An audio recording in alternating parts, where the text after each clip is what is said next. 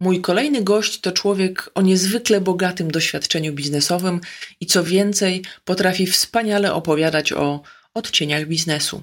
To on założył polski oddział hiszpańskiej telepizzy i zarządzał nim przez 7 lat. Następnie wprowadził do Polski jedną z największych i najcenniejszych marek sportowych na świecie, czyli Nike. Po czym z sukcesami przewodził filii światowego lidera rynku sportowego przez kolejne 13 lat. To pod jego przywództwem firma zdobyła wiele nagród, w tym m.in. Run Warsaw, a mój gość z dumą mówi, że wraz ze swoim zespołem rozbiegał Polaków. Witold Kowalski, bo to o nim mówię, jest także autorem świetnej, bo niezwykle praktycznej książki, w której poza tym, że hojnie dzieli się swoim doświadczeniem, to dotyka tematu bycia liderem w sposób holistyczny. Pisze w niej o odpowiedzialności, jaka wiąże się z tą rolą, o potrzebie spójności, uczciwości, zaufaniu, wartościach, szczęściu, zdrowiu, równowadze, ale także w wielu innych aspektach życia, które są niezbędne, by być, jak to mówi, prawdziwym liderem. O tym wszystkim, ale też e, o kilku innych tematach jest ta nasza rozmowa. Pierwsza tak długa w odcieniach biznesu, bo całość to niemal trzy godziny. Dlatego też postanowiłam podzielić ją na odcinki. Dziś zapraszam Cię do posłuchania pierwszego.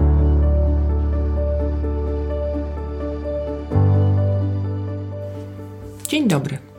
Nazywam się Emilia Gawryluk, a Ty słuchasz mojej audycji Odcienie Biznesu. Zapraszam tu liderki i liderów, przedstawicieli firm z różnych branż do rozmowy o tematach, które angażują aktualnie ich czas i uwagę. Rozmawiam o tym, co ich inspiruje, skąd czerpią energię, ale także o tym, jakie rozwiązania wprowadzają, aby ci, którzy stoją za sukcesami ich marek, pracowali z radością i energią. To audycja, w której poruszam temat świadomego i mądrego przywództwa. Dyskutuję tu o roli liderów w organizacjach oraz o wyzwaniach współczesnego świata. Sprawdź, jak różne są odcienie biznesu.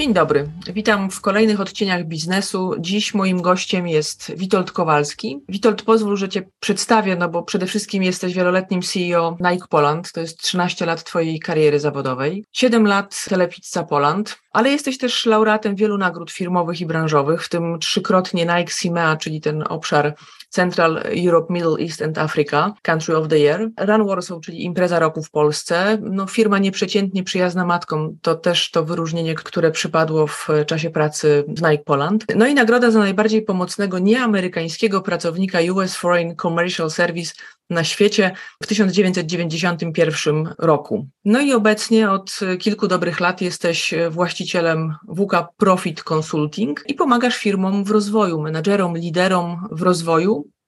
Co więcej, myślę, że warto to zaznaczyć, że pracujesz z firmami i z Polski, z zagranicy, czyli z krajów Unii Europejskiej, ale też USA i Australia, więc dość szeroko dzielisz się swoim doświadczeniem. Jesteś też mentorem, z tego co wiem, w Fundacji Liderek Biznesu, pracujesz w projektach innowacyjnych Komisji Europejskiej, ale także prowadzisz Akademię Menedżera Innowacji PARP. Czy niczego nie pominęłam? Lepiej bym tego nie mówił. Chociaż tak, widzisz, jednak się zdarzyło, bo powinnam również powiedzieć, autor świetnej książki dla liderów. Ja tą książkę mam, co więcej, mam ją już swoim autografem. To jeszcze dodam. Autor książki Prawdziwy lider w firmie z sensem. Twoja przemiana w przywództwie z pomocą ex-CEO Nike tak wygląda, ta, tak wygląda ta książka. To są moje rozliczne notatki e, podczas lektury. Widzisz, jednak coś pominęłam. No to zacznę od tej książki, bo ona tak mnie troszkę zainspirowała do kontaktu z Tobą i podzieliłam się tym wrażeniem, że rzeczywiście na rynku polskim jest stosunkowo niewiele publikacji, które są publikacjami nie teoretycznymi, a praktycznymi. Ty jesteś praktykiem biznesu. I chciałam Cię zapytać tak trochę pokrętnie, no w ogóle skąd pomysł na książkę? Po co Ci ta książka? Przede wszystkim jakieś kilka lat wcześniej myślałem o tym, że może na emeryturze będę miał czas na napisanie czegoś, podzielenia się doświadczeniami na temat mojej pracy. One są, jak ktoś przeczyta w książce, dość ciekawe i różnorodne. Więc tak wydawało mi się, że to, to może mieć jakąś wartość.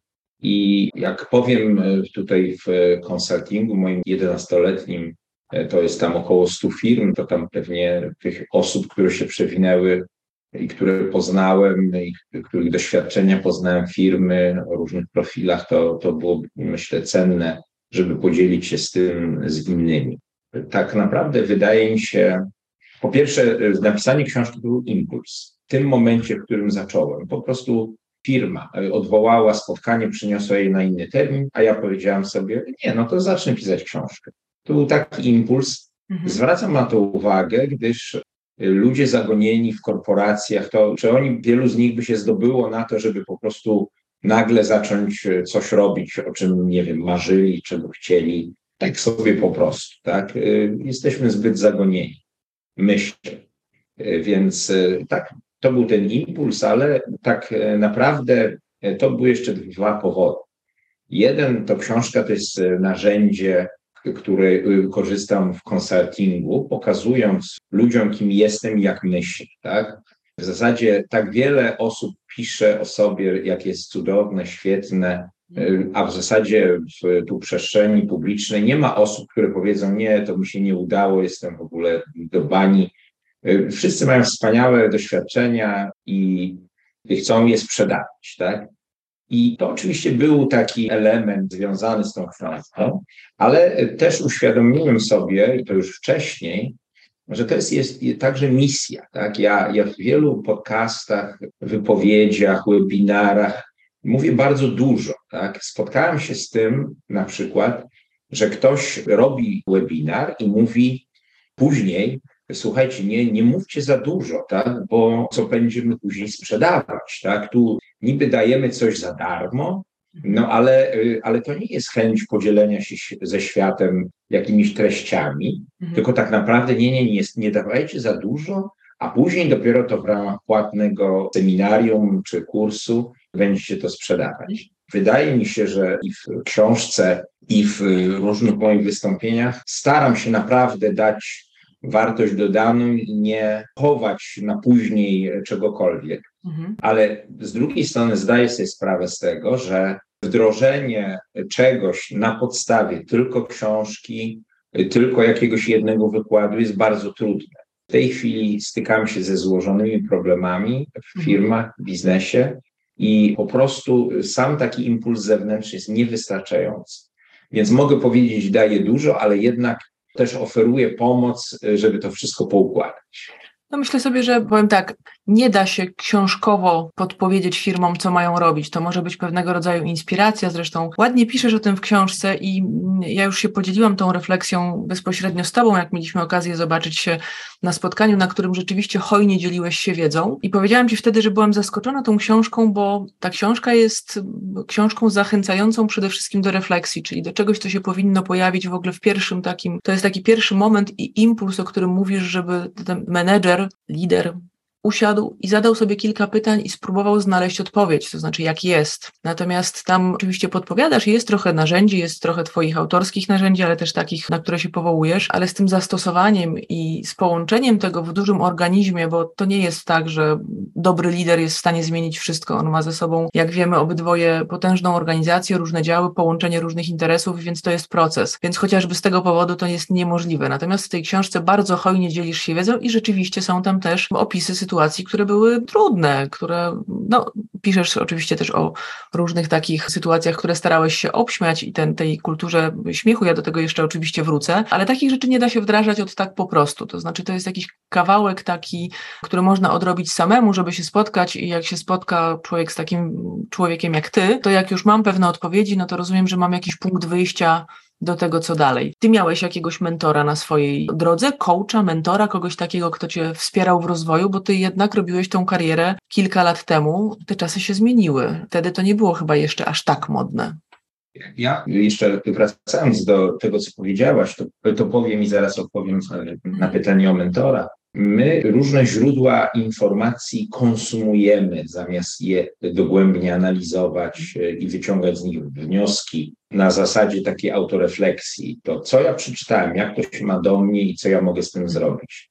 Tego procesu najczęściej nie ma. W związku z tym, to, z czym ja się często stykam, to też jakby w pewnym sensie piętnuję, to jest, że czytamy książkę, odkładamy ją na półkę i zapominamy o albo mówimy, nie, to była super książka, ona mi to i to dała, ale to taką jedną rzecz zapamiętałem. No tam jest 460 stron. To nie jest jedna rzecz, to jest kompleksowa sprawa, którą nie można wdrażać punktowo. Tak? I teraz wracając do Twojego pytania o moich mentorów, to to ciekawe i dla mnie trochę pokrętne. Mianowicie mój szef w ambasadzie amerykańskiej, w biurze radcy handlowego, jakby odpowiedniku w mhm. Polsce, gdy przyszedłem pierwszego dnia do pracy, on mi powiedział: Słuchaj, za tydzień przyjeżdżają największe firmy telekomunikacyjne Stanów Zjednoczonych, co jakby oznaczało świata tak naprawdę, i ty to zorganizuj. Tu wizyty w, w, zakładach e, z ministerstwami, spotkania. Tam się pojawiały już kwestie pagerów i telefonii komórkowej, co dla nas było czarną magią, również dla ministerstwa. I ja w to musiałem wejść i, i to zorganizować. Tak? No to, e, czyli on mnie rzucił totalnie na głęboką wodę, mhm. totalnie. Więc e, to był też swego rodzaju mentoring, tak? E, przez, Powiedziałabym, przez że instruktaż, taki instruktaż, tak. zrób, e, ma, masz się zająć i działałeś, natomiast myślę sobie, że proste to to nie było. Nie było. Drugie w Telepicy, założyciel Telepicy Leo Pujals, Leopoldo Pujals, który był niesamowitym biznesmenem, ale trochę, trochę draniem, tak? To znaczy on doprowadził firmę od zera do tego, że jak się z nim wycofał, mając tam ileś udziałów, to 400 milionów euro z tego zarobił, tak? No był naprawdę niesamowity. Natomiast jako człowiek, ja go lubiłem, ale on wykorzystywał ludzi, nazywał ludzi masa umana, masa ludzka, tak? Nie mhm. kapitał ludzki, tylko masa ludzka. Więc można powiedzieć, że on mnie nie nauczył bycia takim liderem fair, takim do ludzi i tak dalej, Natomiast na pewno mnie nauczył biznesu, patrzenia na to. Mhm. To, to było wielkie doświadczenie, które pozwoliło mi dostać pracę w Nike. Tak?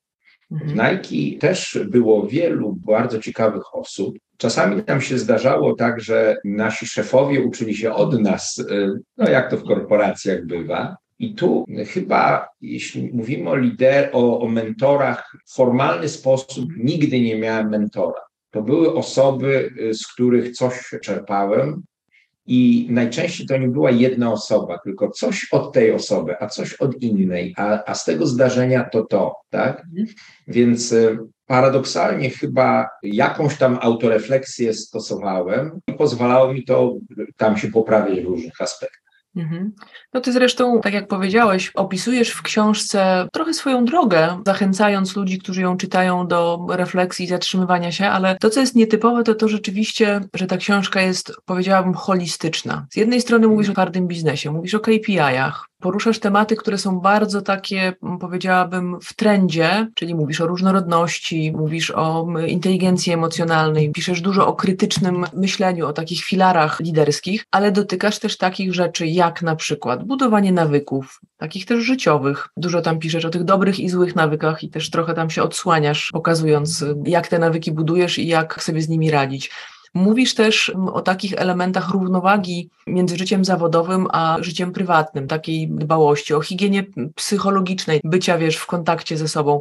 Więc powiedziałabym, że to tak bardzo szeroko, powiedziałabym, że ten świat twój jest no trochę idealistyczny, bo ja bym bardzo chciała, żeby wszyscy szefowie na każdym poziomie mieli takie podejście jak ty, ale też pracuję z biznesem i pracowałam przez 15 lat w biznesie, no i ten świat nie jest idealny i tych prawdziwych liderów jest stosunkowo niewiele wielu. Ty myślisz, że w ogóle w Polsce ma szansę się to jakoś zmienić? Ten progres w tym kierunku takiego, wiesz, lidera, który się zastanawia, który zachęca ludzi do myślenia, zachęca do tego, żeby wyszli z pracy, a nie w niej zostali, żeby zadbali też o siebie, o relacje z bliskimi, żoną, partnerem, partnerką i tak dalej. Czy to w ogóle w polskich realiach, jak na to patrzysz, to możliwe?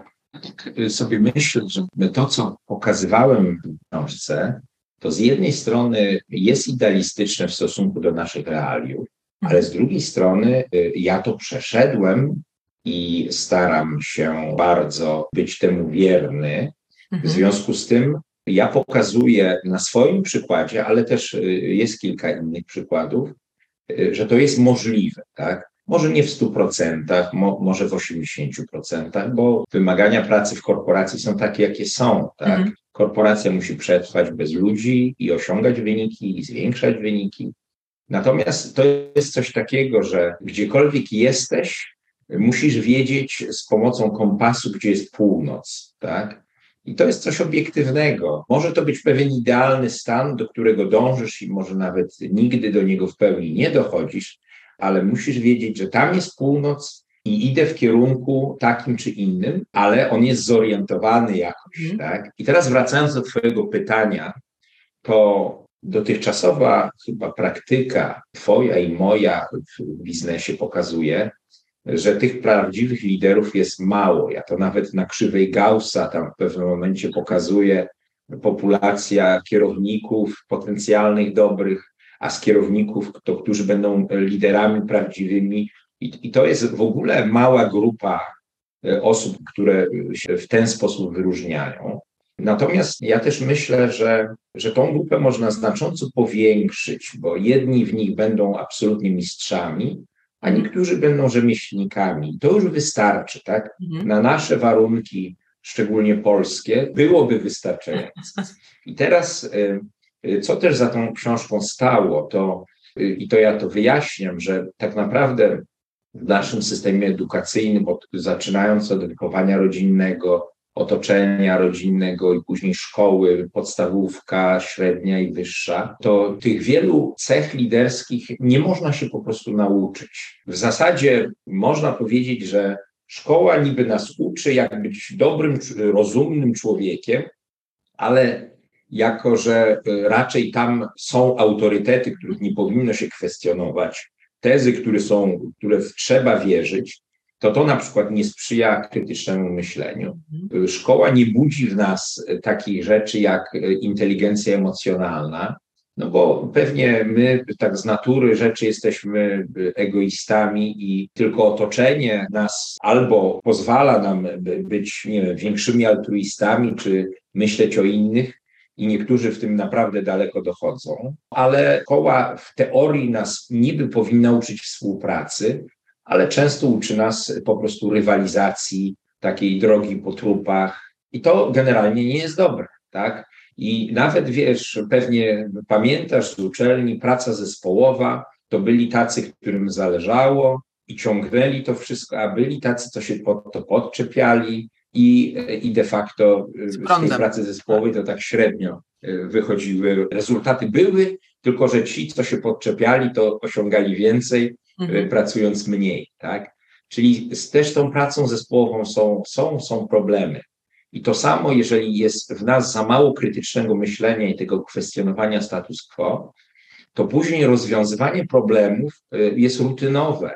Mhm. Y, w związku z tym, jeżeli to podciągniemy, że oczywiście problem to problem bieżący, ale jeżeli mówimy o innowacjach, to ta nasza skłonność do zmian takiego podejścia, jak to zrobić inaczej, lepiej, po prostu nie jest automatyczna. Więc nauczyć się bycia liderem można. Jedni będą lepsi, drudzy będą gorsi. I to, i to przez książkę, ale też przez ten przykład tego niby wychowania przeze mnie 24 liderów, dyrektorów firm, no to, y, to mówię, jeżeli system edukacyjny zawodzi, no to osoby świadome, które chcą coś zmienić, mhm. jeżeli chcą to zrobić, a nie są ministrami oświaty, to mogą to zrobić na własnym podwórku jakby multiplikować te osoby, które później multiplikują mhm. następnych liderów. Kropla po kropli robi się mała kałuża, a może kiedyś będzie morze, tak? Zobaczymy. Trzymajmy y, za to kciuki, bo myślę, że nam się przyda, ale to prawda. No, w szkole, jak kwestionujesz, to raczej trafiasz y, albo dostajesz kala, albo trafiasz do oślej, do oślej ławki. Dokładnie, dokładnie.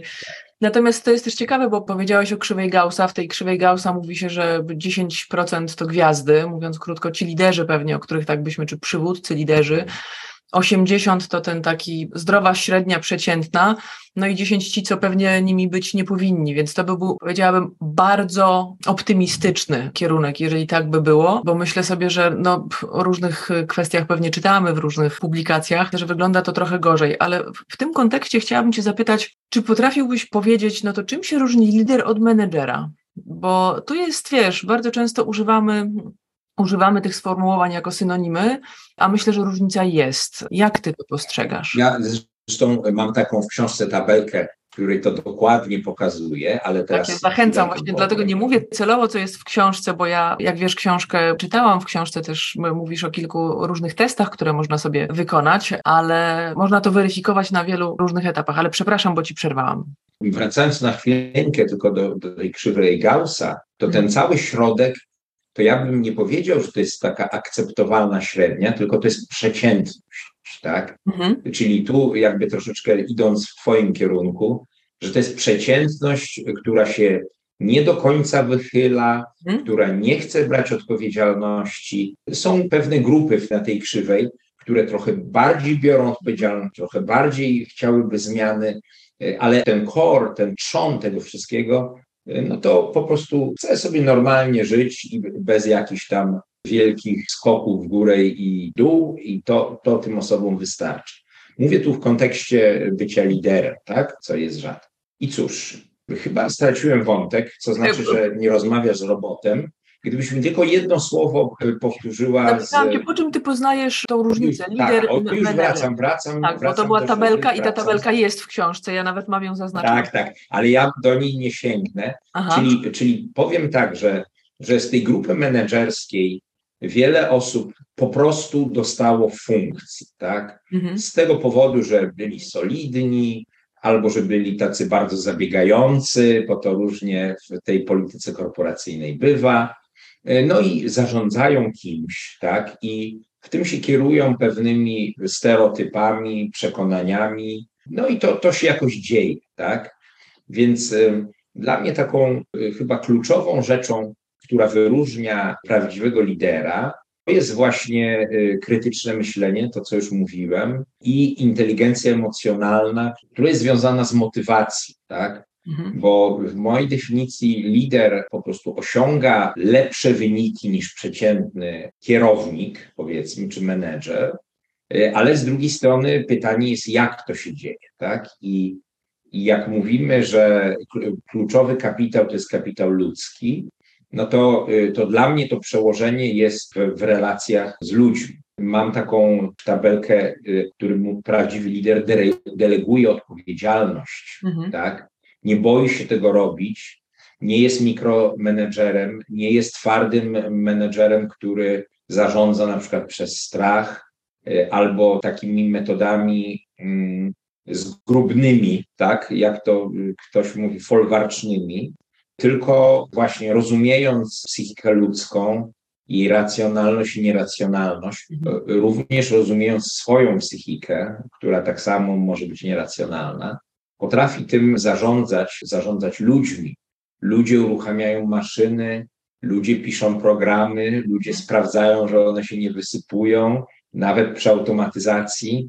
Więc e, ten kapitał ludzki jest e, absolutnie kluczowy. I jeżeli mówimy, to jak go aktywować, żeby on działał e, dla firmy, to mówimy tu o motywacji, tak? Czyli, czyli tymi ludźmi się nie tylko zarządza daje im zadania, bezdusznie każe wykonywać KPI, ale też się motywuje niematerialnie w postaci y, właśnie jakichś pochwał, rozmów, dawania informacji zwrotnej, przyjmowania informacji zwrotnej. To też jest motywujące dla ludzi podwładnych, którzy jej udzielają. Y, I, I takiego zarządzania ludzkiego. Można by powiedzieć, że korporacja ma swoje cele i ma, ma swoje prawa, ale w ramach tego, jak piszę, można stworzyć taką enklawę, gdzie ludzie po prostu chcą y, pracować. Dla mnie kiedyś było piękne, jak mój podwładny menedżer, tak mi rano kiedyś powiedział, przyszedł i mówi, wiesz co, budziłem się i myślę, Boże, jak wspaniale, że idę do pracy, takie fajne rzeczy będą. Tak się uśmiechnąłem do siebie, przyszedł i mi to powiedział, tak? I, y, no i to, to jest może taka kwintesencja tego. Zdarzało się, że pracownicy przychodzili do mnie z bardzo osobistymi problemami, żeby im jakoś, jakoś pomóc. Tak? Mhm. A zdarza się też, że menedżera, nie lidera, nie interesuje to kompletnie. Tak? Mhm. Wiadomo, że jeżeli jest wielka organizacja, która zatrudnia tysiące osób, to trudno złapać taki osobisty kontakt, ale to wtedy bierze się menedżerów, którzy potrafią to zrobić w Twoim imieniu, tak? Czyli dobiera się ich w taki sposób, żeby oni mieli te cechy prawdziwych liderów, a nie takich przycinaków, których uważam, że powiem trochę paradoksalnie, że właśnie ci to tacy zarządzający twardo czasami naprawdę osiągają rezultaty, tak? Tylko e, trzeba sobie zadać pytanie, czy działając trochę inaczej, tak bardziej po ludzku bym mhm. powiedział, czy te rezultaty nie byłyby jeszcze lepsze, tak? No. Ale to, co jest zniechęcające, to jest, że właśnie czasami tą twardą ręką te rezultaty gdzieś tam można osiągnąć, z tym, że jeżeli ktoś mi później powie po latach, jeżeli jestem twardym menedżerem, słuchaj, dostałem od ciebie w tyłek, ale bardzo wielu rzeczy się nauczyłem i za to ci jestem wdzięczny, tak? Ale y, i to, to, to jest już coś dobrego, tak? Chociaż może dla mnie nie idealnego.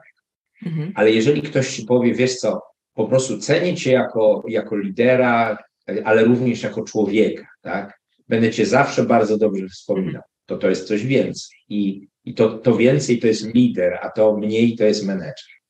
A no właśnie, zresztą piszesz y, i wszystkich zachęcam do przeczytania książki, szczególnie tych, którzy są na tej swojej ścieżce menedżerskiej, liderskiej, mm, bo ty zresztą na pierwszych stronach, bardzo na początku książki piszesz też o teście wąskiej uliczki, który warto sobie tak, tak. Y, y, zrobić. I to jest też ciekawe doświadczenie, bo rzadko o tym myślimy, szczególnie jak jesteśmy młodzi. Wiesz, tu i teraz, wyniki, jak je dowożę, no to jest fajnie, jestem na wznoszącej.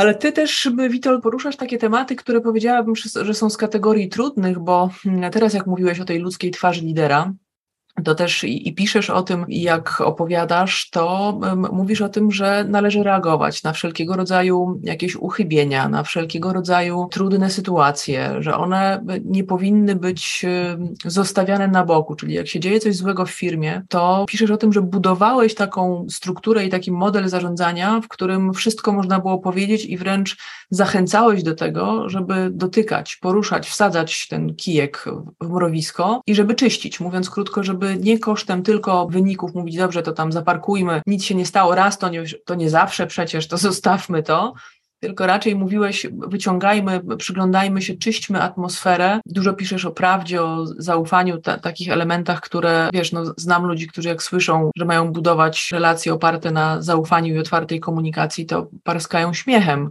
To jest pierwsza reakcja, więc wiesz, to też daje do myślenia. A ty piszesz tym w taki otwarty sposób. I chciałabym cię zaprosić do takiej rozmowy o tych osobach, które wyszły spod twojej ręki, bo chciałabym uchwycić te elementy tego sposobu budowania takiej organizacji. Mówisz, wykształciłem, spod mojej ręki wyszło 24 menadżerów. Mówi, że są to osoby, które też z jednej strony w strukturach Nike zostały takich globalnych, gdzieś zrobiły karierę, ale też prowadzą bądź są prezesami spółek. To ja chciałabym Cię mm, o ten wątek trochę podpytać. Powiedz tak y, na co dzień w tej relacji ze swoim zespołem, czego Ty oczekiwałeś od ludzi? Co było dla Ciebie kluczowe?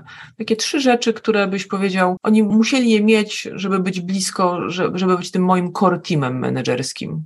Praca w takich organizacjach jak Nike to jest trochę jazda bez trzymanki. Tak? To znaczy, my przez te 13 lat y, jest taki wzór na średnioroczny wzrost y, sprzedaży. CAGR to się nazywa, i on dziś wynosił 19%. Tak? Czyli tak jakbyśmy przez te wszystkie lata y, każdego roku wzrastali o 19%. Zdarzało się oczywiście że był to mniejszy wzrost, ale również były znacznie większe. Teraz po pierwsze starałem się dobrać ludzi w taki sposób, żeby pasowali, pasowali do zespołu. Przy rekrutacji bardzo ceniłem to, jeżeli ktoś się wznosił na poziom takiej totalnej szczerości. I jeżeli, bo oczywiście na różne pytania, na przykład o wady, twoje wady, no to jest ileś odpowiedzi w internecie, jak tu z tego pięknie wybrnąć, tak? Natomiast jeżeli ktoś widziałem, że jest dobry merytorycznie i tu na przykład na koniec rozmowy mówi mi, że ja, ja się nie spodziewałam, czy nie spodziewałem, że mogę się zdobyć na taką szczerość w rozmowie rekrutacyjnej, tak? Mhm. I, I ja to czułem, tak? To, to, to było coś, co było dla mnie bardzo ważne. Tak? Może między dwoma, trzema osobami merytorycznymi, to ta szczerość i ta szczerość też bazowała na pewnym zakresie autorefleksji, że ktoś nie chciał się po prostu sprzedać, tylko mówił, no po prostu, no tak, no mam, mam sobie taką wadę. Ja na przykład pytałem, a co twoja partnerka albo żona, jeżeli to był, prawda, facet, jakby odpowiedziała na to pytanie, tak? Mhm. I to był szok po prostu, szok, szok. I naprawdę był ten etap rekrutacji, że to ludzie, którzy dobrze rokują, mają potencjał, tak? Mhm. Bo y, oczywiście musieli być specjalistami w swojej dziedzinie, do której idą na stanowisko, ale też, żeby byli jakby z natury otwarci, no i mieli dalszy potencjał do wzrostu. No i teraz już w ramach firmy można powiedzieć, że bardzo ważne było, bo tak, funkcjonowaliśmy w tych twardych warunkach, że trzeba było dostarczać te rezultaty. Tak? Mhm. I to oczywiście jest pewnego rodzaju presja. I e, im bardziej twardo chcemy zarządzać, tym ta presja jest e, mocniejsza, tak? bo ludzie psychicznie mhm. pewnych rzeczy nie, nie wytrzymują. Więc ja starałem się rozluźnić atmosferę w taki sposób, żeby tą presję troszeczkę zminimalizować. Tak? Na przykład, jeżeli stawaliśmy przed ścianą, no to z humorem, no to jak my ją tutaj pokonamy, to coś sobie e, tam podowcipkujemy i, i po prostu ludzie nie czuli tego napięcia, mhm. tak? E, jeżeli stosowałem dużo humoru, a wielu menedżerów e, czy teoretyków, praktyków mówi, że biznes jest taki strasznie poważny. My jesteśmy tak. tacy, tacy skupieni na tym wyniku, żeby później tą kasę liczyć, jak ją dostaniemy na koniec miesiąca. To tu ja starałem się robić, mówię starałem się, to jest coachingowe powiedzenie, że nie, no starałem się, ale raz się udało, raz nie, ale myślę, że robiłem, tak, że tej presji nie było, że mówiliśmy sobie po imieniu, że pani sprzątaczka w naszym biurze to pierwsza ode mnie słyszała dzień dobry, tak?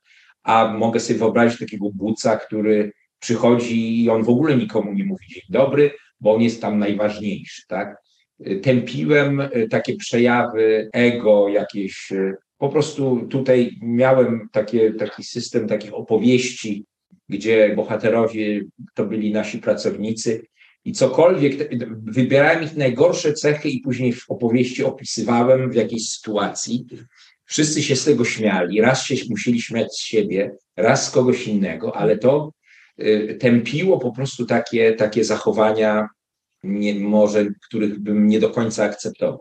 Oczywiście ludzie byli y, różni i nikt nie jest idealny, tak? Ale właśnie na tym polega różnorodność. Tą różnorodność bardzo hołubiłem, i generalnie to mogę powiedzieć, że pracownicy podwładni i menedżerowie mogli do mnie przychodzić w dowolnej kwestii, na spotkaniach menedżerskich poruszaliśmy wszystkie tematy w sposób otwarty, przy takiej kulturze radykalnej szczerości, mhm. co oznaczało, że jeżeli miałem jakiś pomysł, czasami to był pomysł genialny, a czasami to był pomysł, który nie był dobry, i ktoś mówił, nie, nie, ale nie uważam, że to jest dobry pomysł, no to wtedy ja pytałem, dlaczego. A na to, jak dostałem dobre uzasadnienie, to naprawdę się zaczynałem zastanawiać, co z tym zrobić. Więc po pierwsze, oni nie tylko czuli, że ja deleguję im odpowiedzialność, mm. ale też mieli przekonanie, że czasami mogą popełnić błąd i ten błąd będzie im wybaczony, ponieważ no, bez tego nie ma żadnego postępu tak? Mhm. Więc próbowaliśmy naprawdę różnych rzeczy i to było w takiej y, otwartej, niekorporacyjnej atmosferze. Mhm. I w teorii ktoś mógłby powiedzieć, no ale czy to pozwoli osiągać ambitne wyniki? To pozwoliło, tak? Paradoksalnie, tak? To mhm. pozwoliło osiągać te y, bardzo ambitne wyniki. I, y, I to jest w zasadzie taka lekcja, która, bo ktoś by mógł powiedzieć, no masz tutaj wujku dobra rada, masz szereg rzeczy, mogłeś to ściągnąć z jakiejś książki, a ja to praktykowałem i, i mogę powiedzieć, że to u mnie działało. Czy to będzie działać u wszystkich? Mam taką nadzieję, ale na pewno nie mogę powiedzieć, że jestem teoretykiem w tych tematach. No zdecydowanie. Myślę sobie, że historia Nike w Polsce i tego, że to z Polski, właściwie z tych przykładów polskich twoi koledzy z zagranicy się później czerpali, to jednak pokazuje tą skalę tego, co zrobiłeś w kraju. To pójdę za tym, bo zainspirowałeś mnie teraz, jak pytałeś na rekrutację, co twój, twoja partnerka, mąż, żona powiedzieliby na ten temat, to gdybym zapytała Twoich najbliższych współpracowników, za co doceniacie Witolda, to co oni by mi powiedzieli? Na pewno doceniliby mnie za szczerość. Tak? Moja żona mówi, że ja jestem zawsze szczery. Czasami może do bólu, mhm. E, ale generalnie mówię to, co, co myślę. Czasami to ubiorę w trochę inne słowa, takie bardziej le lekkie, nie, nie takie uderzające, ale na pewno ta szczerość, tak? Poza tym myślę, że dzieci doceniłyby mnie za delegowanie im odpowiedzialności za życie. Trójka studiowała za granicą i to nie dlatego, żeby dostać dyplom lepszej uczelni, nie tylko, ale też, żeby być samodzielnym, żeby się zmierzyć z angielskim biznesowym po doświadczeniach e, polskich. Nie rozwiązywałem za dzieci problemów, tak? Y, to nie było tak, że wpadam y, co dwie godziny i sprawdzam, czy jest czysty pokój, tak? Nie pakowałem dzieciom walizek na, na wyjazdy. Y, mogłem tylko, mnie zapraszały, żeby powiedzieć, czy sądzę, że wszystko wzięły. I myślę, że taka, taka troska o przyszłość, tak? W firmach za mało jest strategii do prawdziwej, dobrej, ale też w naszym życiu też jest za mało strategii takiego planowania. Często żyjemy z dnia na dzień to jest równoważna droga, na przykład stosowana przez stoików y, albo osoby, które po prostu sobie tak żyją. Natomiast y, myślę, że też w kontekście tego, co ja mogę zapewnić mojej rodzinie, no to jednak y, rzeczy planowałem z znaczącym wyprzedzeniem. I na przykład w kursie coachingowym, pamiętam, sięgnąłem teraz do materiałów i były cele tam na, na zaraz, na 5 lat, na 10 lat. I w zasadzie prawie wszystkie wykonałem, czyli to była jakaś taka w miarę spójna, e, spójna droga. Mhm. Oczywiście mam też różne wady, które oczywiście jako człowiek e, uważam, że one mogą być mniejsze niż się innym może zdawać, ale to też jest tak, że jeżeli się jest przez 20 lat dyrektorem, to są pewne rzeczy dla niego oczywiste, że tak trzeba robić tutaj na czas, wszystko idealnie i tak dalej, ale z innego punktu widzenia mogą być zupełnie inne priorytety i ktoś może uważać na przykład, że to jest takie mm, zbyt rygorystyczne. Tak to bym powiedział. A twoi menedżerowie, ci te, te, te osoby, które tak blisko z tobą pracowały, to co by najbardziej, jak sądzisz, co by doceniły? Co by na twój temat powiedziały? Jak była inauguracja książki, to przyszło część moich pracowników mhm. na nią lub słuchało online. I, I to, co powiedzieli, to nie była korporacja. Tak? Mimo, że to była korporacja, to to nie była e, korporacja. Na pewno doceniliby uśmiech i poczucie humoru, który było. Nawet e, jedna z menedżerek powiedziała, że to była ciekawa historia. Przyszła do mnie i powiedziała: Słuchaj, mam ofertę y, pracy, stanowisko już takie dyrektorskie w bardzo znanej firmie z wynagrodzeniem 40% więcej. No y, to ja powiedziałem jej: Wiesz co, no dobrze, to ja ci dam to wynagrodzenie, troszeczkę mniej, ale dam ci to podwyżkę, tak? No i rozważ to. No i ona do mnie przyszła po jednym dniu i powiedziała: A, Witek, wiesz co, zostaje, przynajmniej będzie wesoło. Mhm. Czyli to y, no, y, widać było, że, mm, że to jest po prostu coś więcej niż tylko praca. A naprawdę stanowisko było bardzo atrakcyjne i teraz ta osoba, zresztą kobieta, robi karierę w bardzo ciekawych firmach i nie mówię, że, że to zawdzięcza wyłącznie mi, ale te osoby, z którymi pracowałem, które później doświadczały zupełnie innych rzeczy w korporacjach, to one do mnie mówią i y, coś takiego, jak się spotykamy, czy rozmawiamy przez telefon. Kurczę, wiesz co, no naprawdę, to było takie doświadczenie, że jestem pewien, że ono się już nigdy nie powtórzy, chociaż mhm. przecież to nie jest jeszcze koniec mojej kariery, tak? Tylko patrząc realistycznie na to, co się dzieje wokoło i czego one, te, te osoby doświadczały w tym momencie tej rozmowy, to powiedziałem, hej, ale to kurczę, chyba nie, nie ma, nie ma, już chyba tego nie doświadczę. Chociaż część z nich y, same budują już y, to y, hmm. dla swojego zespołu, tak? Ale to już inna No ale zawsze jest też ktoś u góry, no i to tak różnie bywa. Wiesz, to jest też trochę inna perspektywa jednak, jak ty budujesz tę kulturę i jesteś tym, który przewodzi ludziom, a trochę inaczej jak doświadczasz tego z liderem, który pokazuje trochę kierunek. Więc tak, ja zresztą tak. mam podobne doświadczenie i ja często je wspominam, bo pierwsza korporacja, w której pracowałam, to był Schenker, który nomen omen obsługiwał Nike w Polsce logistycznie. Tak jest więc też dużo takich historyjek z boku z tego, co Nike robił i na co my musieliśmy, na jakie potrzeby my musieliśmy odpowiadać, jakby żeście sobie wymyślili, co dowieziecie klientom albo co zaoferujecie klientom, a my żeśmy musieli to dowozić, to pamiętam, to, to, to była praca pełna wyzwań, ale też rzeczywiście, jak pamiętam, to też było przy tym ogromnie dużo fanu.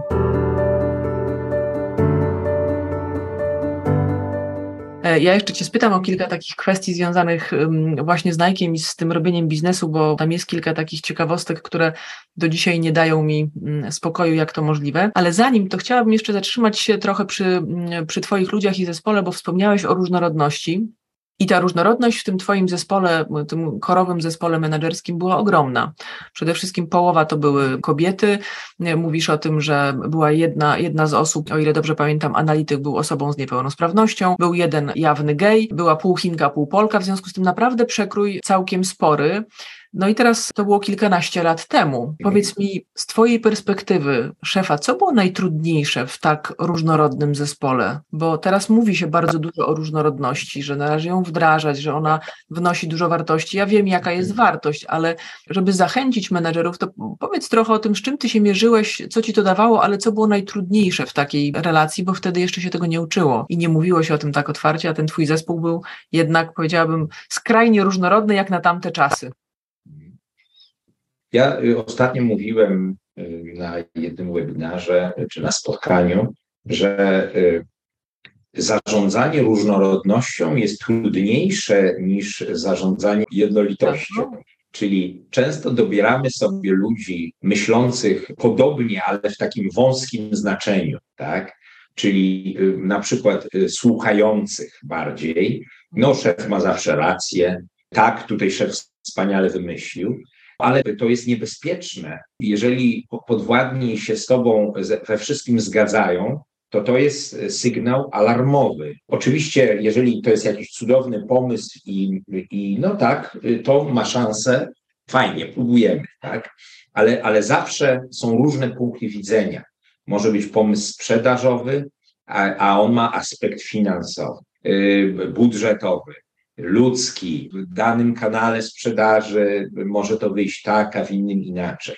Więc zarządzanie różnorodnością jest trudne, tak jak powiedziałaś i tak jak napisałem w książce, ale myślę, że najważniejsze jest to, żeby ta różnorodność wychodziła na powierzchnię.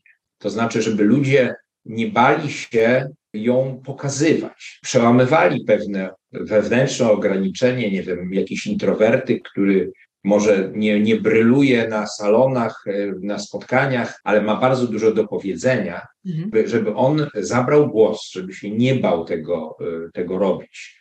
I teraz, jeżeli ktoś swój punkt widzenia taki bardzo może asekuracyjny czy konserwatywny prezentuje, czasami może to być zdecydowanie słuszne w jakiejś sytuacji, a czasami nie, no to moją rolą było, żeby przekonać całą organizację do, do jakiejś tam wersji pomysłu, który uwzględnia te uwagi innych osób. I wiemy, że na przykład umysł człowieka od IT, programisty jest, jest inaczej skonstruowany najczęściej. Umysł finansisty też, no tu można te różne stereotypy podawać, ale po prostu to jest coś innego niż HR-owiec, niż marketingowiec i i to dla mnie jest y, jak najbardziej. Okay. Więc y, myślę, że ta otwartość i szczerość i gotowość do słuchania różnych punktów widzenia to był klucz do zarządzania tą różnorodnością. I jak wiemy, że do danego celu można dojść na różne sposoby, więc y, są sposoby, które danej osobie pasują lepiej, a mnie by nie pasowały, ale na tym polegała e, ta delegacja odpowiedzialności. Jeżeli osoba do, dowoziła to, co miała dowieść w inny sposób, mhm. to to było równie dobre. Ja nie mówiłem, nie, nie, nie, nie, zrób to inaczej, inaczej, inaczej. I to było prawdziwe delegowanie. Ja jako country manager odpowiadałem przed centralą, a oni przede mną, ale to była powiedziałbym, taka sama odpowiedzialność, choć więcej bazująca na koleżeństwie i, i pewnej tolerancji do popełniania błędów, y, niż w takiej tradycyjnej, twardej, bezdusznej korporacji. Mhm. No tak, wiesz, takie miejsce, do którego po prostu chce się przychodzić. To, co twój menedżer powiedział, że wstaje rano i mówi, uśmiecha się, bo idzie do roboty i będzie fajnie, to znaczy lubię to, co, to, co robię. Patrząc na ten przekrój i na te twoje doświadczenia, a też, no był to taki czas, jak byłeś szefem Nike'a, tam też trafiały się kryzysy. To nie był też y, taki czas usłany różami i ciągłego wzrostu. To chciałabym Cię zapytać, największy kryzys menedżerski, z którym Ty musiałeś się zmierzyć, to co to było w Twojej karierze? To, to, to jest taki, może nie nazwałbym tego kryzysem, ale w momencie, kiedy zacząłem pracę w Nike, zakładać tą organizację, to przejęliśmy kilka osób od dystrybutora przedniego. To była taka faza przejściowa na rynku. Większość z tych osób no, była super, ale była osoba, która de facto stosowała politykę państwa w państwie. Tak? I oczywiście była osobą lojalną w pewnym zakresie, ale jednak y, stosowała swoją politykę i ja nie do końca czułem się w tej sytuacji komfortowo. Co więcej, nasi partnerzy detaliczni również. I ja miałem trochę tendencję, jako że byłem nowy w branży, żeby ją trochę bronić nawet, tak? że no tak, no jest trudna to osoba, ale może jakoś damy radę. I w pewnym momencie moja centrala powiedziała, że słuchaj, coś z tym musi zrobić, tak? I na początku to tak, no to może spróbuję jeszcze dalej, ale w pewnym momencie podjęliśmy, w zasadzie ja musiałem podjąć tą decyzję o rozstaniu. I to oczywiście nigdy nie jest osoby numer dwa zwalniać i to, to nie jest miłe i komfortowe, ale powiem, że od tego momentu ja stałem się tam e, takim prawdziwym, prawdziwym liderem. Czyli jak uzyskałem bezpośredni dostęp do ludzi, do których ten dostęp był w jakiś sposób hamowany. To jest taki kryzys, bym powiedział, właśnie personalny, który de facto skończył się tym, że od tego momentu zaczęliśmy rosnąć jak szaleni. Tak? Mhm. Czyli on de facto nie był kryzysem, tylko y, y, uwolnieniem możliwości wzrostowych. A drugi taki moment, jedyny w, w ciągu 13 lat, e, kiedy spadliśmy o kilka procent, to też weszło do tej średniej 19% wzrostu rok do roku. Mhm. To był taki moment, kiedy na rynku było przetowarowanie w ogóle w całej branży i, i oczywiście nie wykonaliśmy budżetu, który zakładał wzrost. No i nie byliśmy z tego powodu jakoś szczęśliwi, bo byliśmy takim success story, ale jak ja się dowiedziałem, ile spadła konkurencja, to nagle się okazało, że w tym roku wyszliśmy na pozycję numer jeden. Czyli można powiedzieć, że rynek nas odrobinkę uderzył, ale innych uderzył znacznie mocniej. Tam e, bym powiedział pięć razy mocniej. Mhm. I e, w związku z tym to był sukces. I co mhm. więcej, w tym roku podjęliśmy szereg działań, które pozwoliły nam uniknąć tego typu niespodzianek i kiedyś przyjechali do mnie private jetem wszyscy z Nike, tu ze Stanów. Ja zrobiłem tą prezentację taką i pokazałem ten wykres i mówię, słuchajcie, tutaj jeden rok tylko spadliśmy, ale to był najlepszy dla nas rok, bo później był szalony wzrost po prostu. I później, jak to opisuję, w toalecie spotkałem jednego tam z wiceprezydentów i on tak mówi, wiesz co Witek, jestem tu tyle lat, najlepsza prezentacja, jaką słyszałem w Nike, nie? Taka inspirująca była bardzo, no bo tam naprawdę mieliśmy się czym pochwalić. Czyli zawsze to jest wszystko relatywne, tak? Mhm. Czasami się dostanie w kość, żeby się odbić mocno, tak? Mhm. Czasami coś trzeba zrobić trudnego, żeby coś wyprostować. I myślę, że najgorsze jest zamiatanie pod dywan spraw, które wymagają uregulowania. Mhm. I żeby to było możliwe, no to ta kultura szczerości i otwartości musi być. Mhm. Bo wtedy zgłaszanie takich problemów jest po prostu naturalne. Czyli im szybciej je wykrywamy, tym szybciej je rozwiązujemy. Mhm. I pojawiało się też na naszym rynku na odchodne detalistami jeden napisał Witek, słuchaj, no naprawdę tu cię bardzo cenię i powiem ci, że kiedyś poszedłem do, do konkurencji z jakimś trudnym problemem, a oni mi mówią, nie rozwiążemy tego, zobaczymy, co Nike zrobi, tak? Mhm. Czyli oni w tej rozmowie z detalistą uznali, że my jesteśmy liderem od rozwiązywania trudnych problemów, mhm. a oni ewentualnie podążą za nami w tym zakresie. I nie mówili tego do mnie, tylko mówili do partnera detalicznego wspólnego i tej innej, i mhm. Nike i tej innej firmy. Więc to było ciekawe. A powiedz proszę, bo ty mówisz o takich rzeczach, które jakoś też ze mną rezonują, ale czy te elementy związane właśnie z brakiem zgody na zamiatanie pod dywan, z taką budowaniem na otwartości, na zaufaniu, na szczerości, na delegowaniu odpowiedzialności, czy też dzielenia się odpowiedzialnością. To był Twój pomysł, bo w końcu budowałeś tą firmę od podstaw w Polsce. Czy trochę była to, e, czy, czy też możesz powiedzieć, że te wartości były dla Nike globalnie ważne? Bo Nike jest przecież amerykańską firmą i ta amerykańska kultura pracy e, no, ma parę elementów. Myślę, że ten humor to, to pewnie się jakoś tam zgadza, ale powiem od razu, dlaczego Cię pytam, bo Nike też miał swoje wizerunkowe problemy trudne problemy, lata tak, 90., tak. to, to musiał się zmierzyć tak. z kilkoma kryzysami wizerunkowymi y, ogromnymi. Czy, czy to jakiś taki kawałek korporacyjny, czy to Twój pomysł na biznes w Polsce i po prostu Twój pomysł na to, jak budować zdrową organizację, która odnosi sukcesy?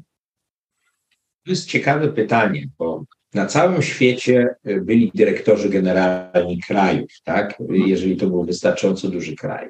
By tam nie była dystrybucja, tylko dyrektor generalny i ich style zarządzania znacząco się różniły.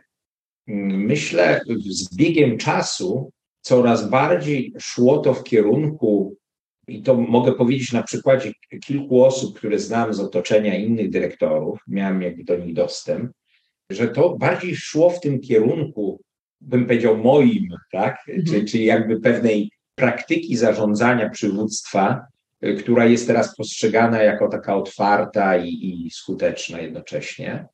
Natomiast na przestrzeni lat to przeciętny y, czas danego CEO w, w kraju to był mniej więcej 3 lata. Mhm. Ale były chlubne wyjątki. No, ja byłem jednym z nich, 13 y, lat, to tam jeden z trzech na świecie.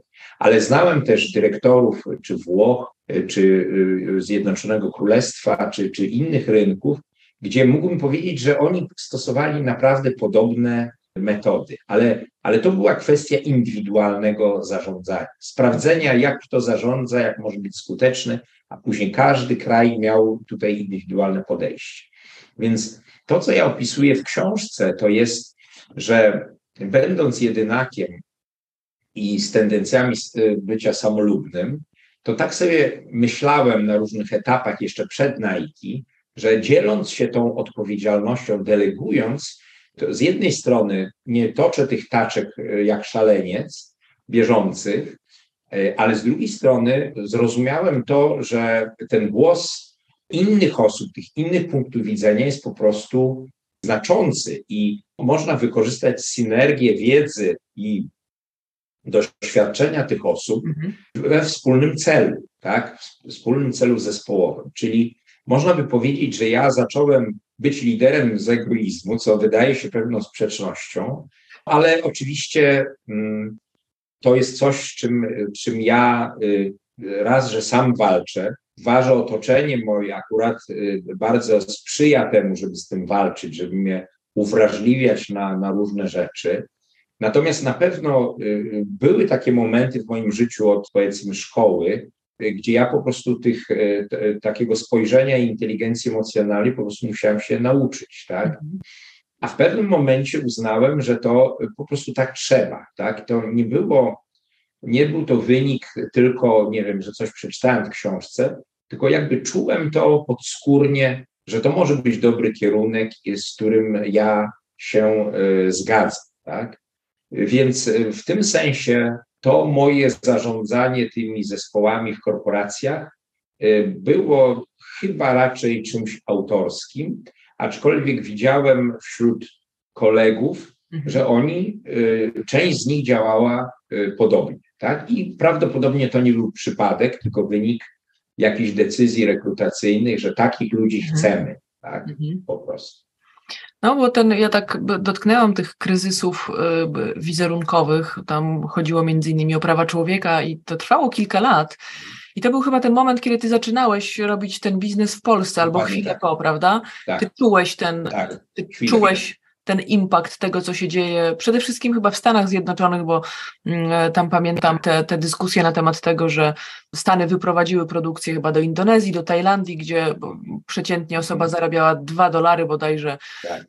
dziennie. Wy, z, jakby wyprodukowanie butów Nike mówiło się wtedy, że kosztuje 5, a firma sprzedawała za 180. No i oczywiście spowodowało to mnóstwo różnych trudności. To trwało kilka ładnych lat, chyba w 2002 roku pojawił się taki pierwszy poważny raport związany, on się chyba nazywał Nie jesteśmy maszynami i on właśnie adresował już wtedy nie tylko Nike'a, bo chyba dotykał i Adidasa i, i kilku innych marek. Całą branżę. Całą tak, branżę. całą branżę I, i to jakiś taki kierunek, który teraz widzimy, który jest w ogóle niezwykle istotny. Ty czułeś ten impact tego, co się dzieje w Stanach na to, jak byliśmy postrzegani w Polsce i jak, jak, jak tak, powiem Ci, że jak przychodziłem do Nike, e, to cała firma była na poziomie 10 miliardów dolarów sprzedaży, jak odchodziłem 30 miliardów. Mhm. No całkiem szybki przyrost. I na pierwszym spotkaniu w Irlandii, takim sales meetingu, hasłem tego całego spotkania było 10% better, czyli wzroślimy o 10%. Mhm. Jak domniemałem, to chodziło o to, że zanotowało Nike spadek, tak, kryzys e, taki PR-owski i trzeba było się od tego odbić. To była moja sytuacja startowa. Więc e, no, notabene ten y, kryzys, który dotknął Nike w tym zakresie wizerunkowy, tak naprawdę dotyczył branży odzieżowej, sportowej. Mhm. Wszyscy robili dokładnie to samo, tak? Tylko, że wiesz, no, tam powiedzmy jak już prasa y, za coś się weźmie, to lubi to przycisnąć z jedną konkretną firmą, ale trzeba też Nike'owi to y, oddać, że stworzył taką, y, takie stowarzyszenie właśnie tych producentów, które wprowadziło te praktyki pracy z fabrykami na całym świecie, szczególnie na Dalekim Wschodzie. Mhm. Sytuacja się diametralnie poprawiła, czyli skończył się, że tak powiem, okres tego bezdusznego kapitalizmu i poprzez reakcję społeczności światowej y, firmy doszły do wniosku, że naprawdę warto chyba być tu w tym temacie, tak powiem, poddawać się pewnym standardom, y, które można, mogą wszyscy zaakceptować. Tak? No, tym bardziej, że... Więc y, tak, ten, ten start był niełatwy, tylko że startując z niskiego poziomu, to i tak on nie miał jakiegoś wielkiego wpływu na nas, E,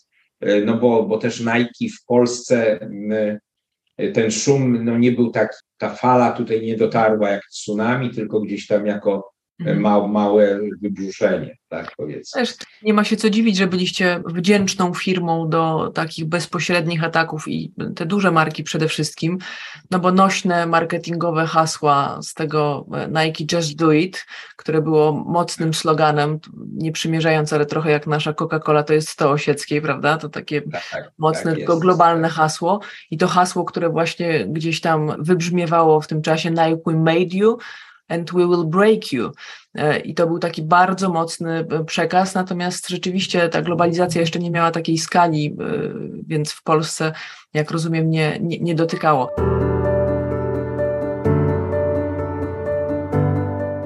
Ale mam jeszcze taką ciekawość, bo ja pamiętam, jak kiedyś jeden z moich szefów przyszedł i powiedział: Wiecie, co robi Nike?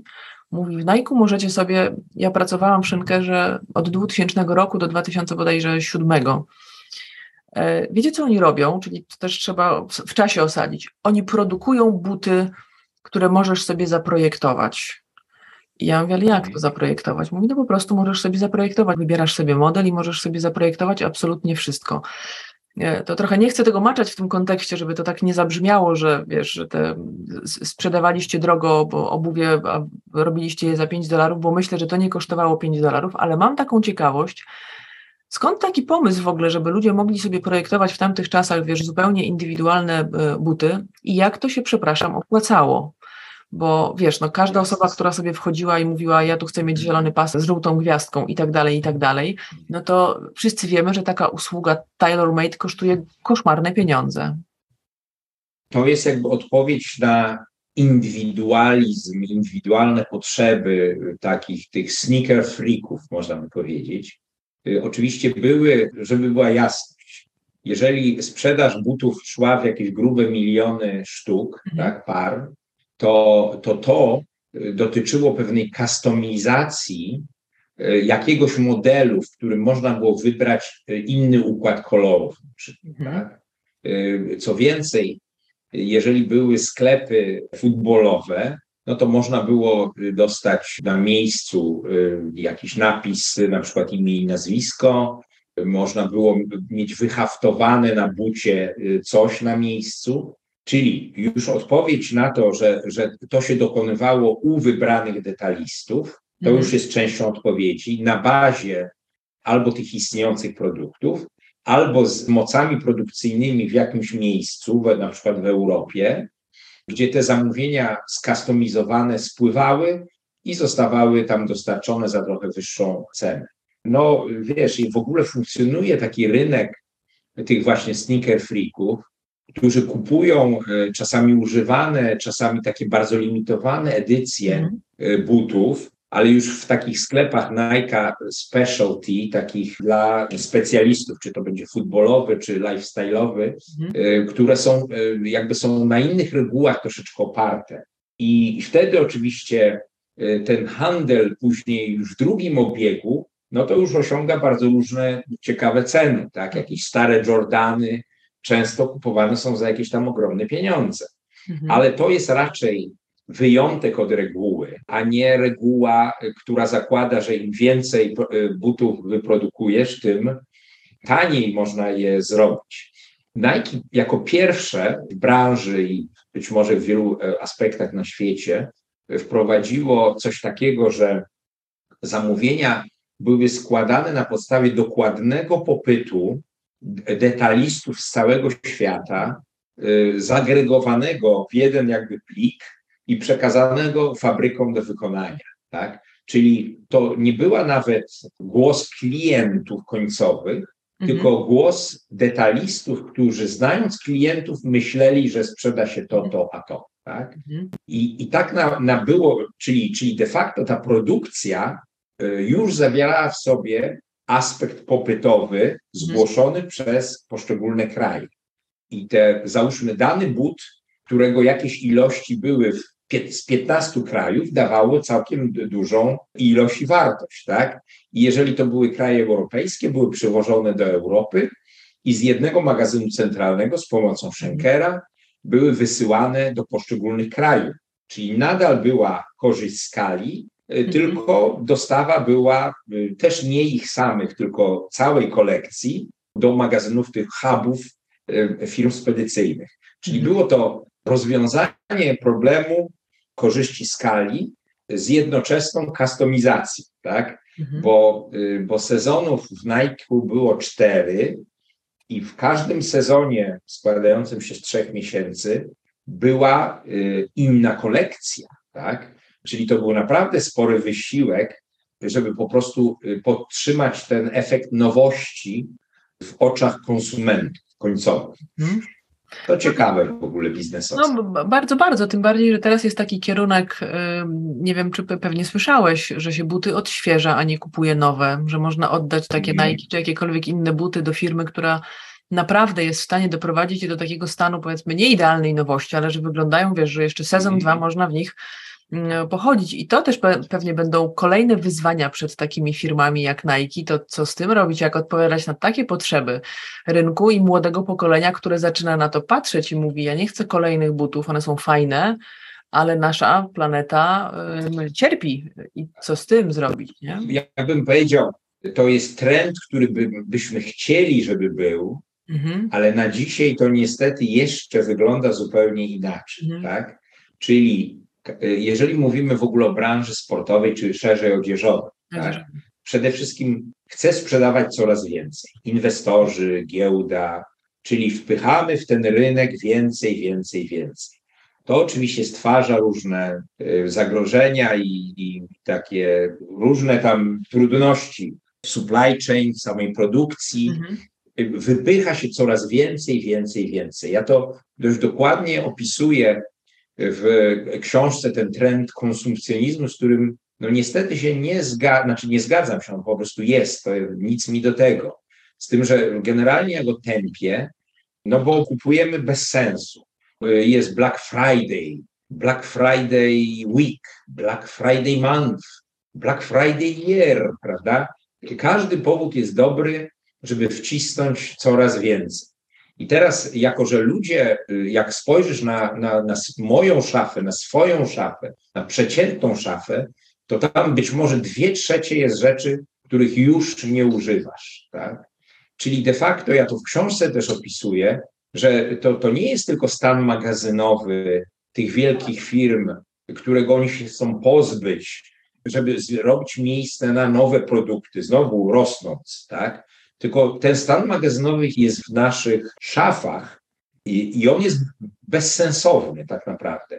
Na to wszystko się zużywa barwniki, surowce, energię, gaz e, na produkcję i to wszystko, wszystko się tak nawarstwia i w związku z tym my potrzebujemy coraz więcej energii, coraz więcej mhm. e, plantacji, coraz więcej ludzi, coraz bardziej optymalizujemy to wszystko, to wszystko idzie w niewłaściwym, moim zdaniem, mhm. kierunku.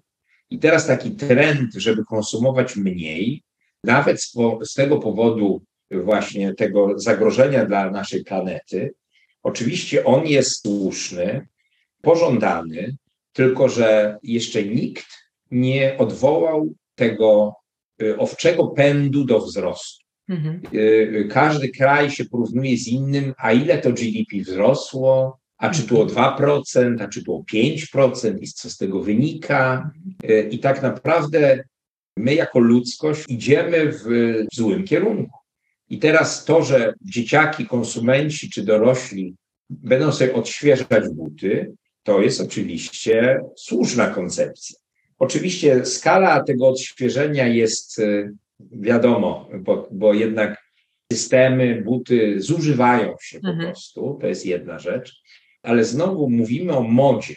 Mówimy o modzie, która nas ciągle ciśnie do y, kupowania więcej, więcej, więcej. Mhm. Jak jakaś pani, że się przyczepię, idzie na spotkanie z koleżankami, to na pewno nie chce, żeby koleżanka zobaczyła ją trzeci raz w tej samej sukience. Tak? Mhm.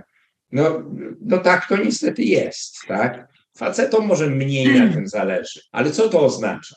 Że jak jest y, dana osoba aktywna towarzysko, no to znowu kupuje, kupuje, kupuje, kupuje. Święta zamiast jako, że tak powiem, albo pretekst do spotkań, albo przeżycie religijne, jest po prostu y, y, popierdzielaniem po sklepach, żeby kupić kolejne niepotrzebne rzeczy, tak? Y, Mikołaj już się na początku października pojawia, nie tak. żaden święty i tak dalej.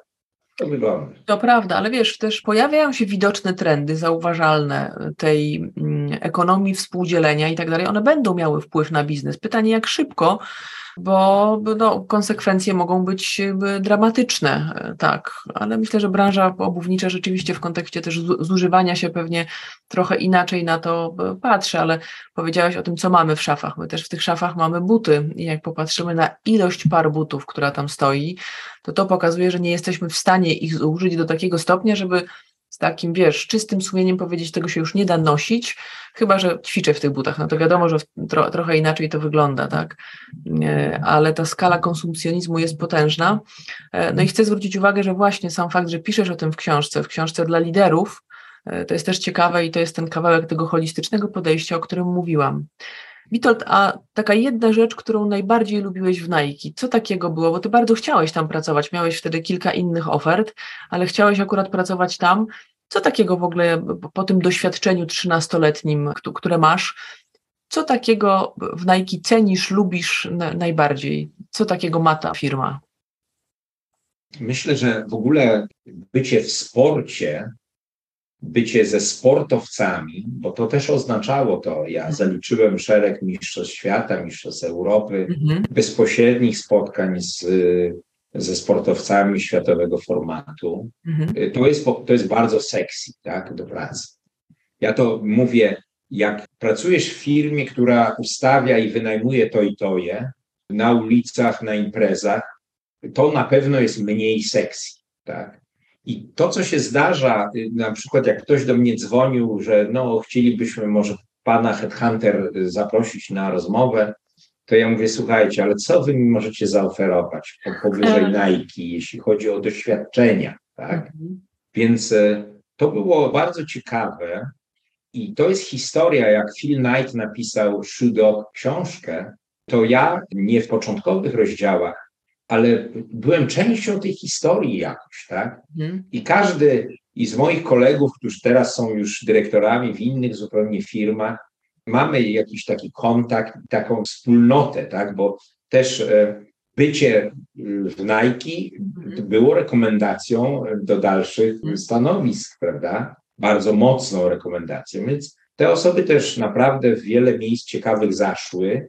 Niektóre zrobiły oszałamiałe, oszałamiające kariery, mhm. inni normalne, inni się wyciszyli po prostu, bo te lata y, wyssały z nich dużo energii, bo to mhm. niestety też są wyzwania, tak? Ja na przykład nie chciałem wyjeżdżać z Polski, pewnie bym został dalej w Nike, no bo nie wiem, koleżanka mówi, że ona jeździła na spotkania do Stanów, do stanu Oregon na zachodnim wybrzeżu na kilka godzin i później znowu wracała tym samolotem. No ile tak można żyć? Mhm. Więc były stanowiska, po prostu e, był kłopot z tym, naprawdę duży i nie do końca się ludzie to wytrzymywali. Ale wiesz, coś było takiego w tej całej historii inspirującego, że jak byłem na takim programie w Stanach, który prowadził jeden tam z kilku pierwszych pracowników i on do dzisiaj jest jakby takim ambasadorem Nike, Aha. Y, który właśnie już chyba poszedł na emeryturę, ale nadal tych liderów gdzieś tam zbiera się, tych nowych i on im tam coś opowiada. Więc jak ja widziałem te zdjęcia, te wszystkie opowieści i rozmawiałem z nim, y, ktoś, kto mówił bezpośrednio y, o tych różnych doświadczeniach. I później jakieś piosenki YMCA, pamiętasz, taka była, tak. gdzieś Diana Ross coś śpiewała to jak ja słyszę to w radiu, to mi się przewija ta taśma jego i tych, e, że tak powiem, strojów z lat 70., tych początków. To jest, wiesz, tak w tej głowie się kłębi taki konglomerat różnych myśli, bardzo pozytywnych, bardzo mhm. pozytywnych. Chociaż były osoby, które miały bardzo negatywne e, myśli, bo nie doświadczyły czegoś, na czymś się zawiodły. Ja miałem to, to szczęście, stworzyłem jakąś enklawę, w którą mi się tam nie za bardzo chrzaniali e, przełożeni. Mhm. Miałem siedmiu przełożonych, w większości przypadków fajnych ludzi. Jeden z nich w zasadzie e, uczył się od nas biznesu, był Australijczykiem, a teraz przewodzi całej Europie. Mhm. I jesteśmy w kontakcie i e, nie mam między nami jakiejś hierarchii, bo on teraz robi to, a ja robię to. Po prostu jesteśmy mhm. grupą fajnych ludzi, którzy się wspierają i tyle. A Nike w Polsce, tak zapytam Cię, bo mówisz, że masz kontakt, zmienił się jakoś przez te ostatnie 10 lat? Zmienił się y, tak. Po mnie przyszedł y, ktoś, kto chciał zrobić w Nike karierę. Traktował Polskę jako pewną trampolinę. Na mhm. szczęście mój zespół tam został, zrealizował Mistrzostwa Europy, które ja tam gdzieś tam doprowadzałem do pewnego momentu, reprezentację mhm. Polski podpisaliśmy. No i, e, i on traktował to bardziej jako etap kariery, no ale i tak już go nie ma w Nike. Później przyszła osoba, z którą się przyjaźniłem, e, spotykałem i e, Niemiec, i z którym jestem w miłym bardzo kontakcie do dziś. Potem stało się coś takiego, że, że Nike wyznaczył klastry czyli jakby odszedł od organizacji e, krajowych, tych dla krajów trochę mniejszych, i w zasadzie teraz Nike w Polsce nie istnieje. Kilka osób e, jest w strukturach tych właśnie berlińskich. Mhm. Część jest w centrali w Holandii, część jest w Stanach, ale organizacji o nazwie Nike Poland nie ma już. Mhm. Jest jedynie Centrum Technologiczne w Gdańsku, które się zupełnie innymi rzeczami e, zajmuje. Czyli była to pewna ewolucja rynku w której ja uczestniczyłem, a teraz ta organizacja wygląda już zupełnie inaczej. Mhm. W zasadzie jedyne, co zostało z tego, to jest y, nasz poziom tak, na, na, na rynku i ludzie. Część ludzi, którzy jeszcze tam jest, niekoniecznie pracując nad Polską, ale na przykład pracując nad strategicznym klientem, który pochodzi y, z Polski, jest w Polsce nadal. I to był też mój klient konsultingowy, któremu pomagałem tam w różnych kwestiach. I, I to jest coś realnego, co pozostało. Tak naprawdę została idea, produkty i konsumenci, którzy nadal się w to bawią. Tak, chcą i kupują.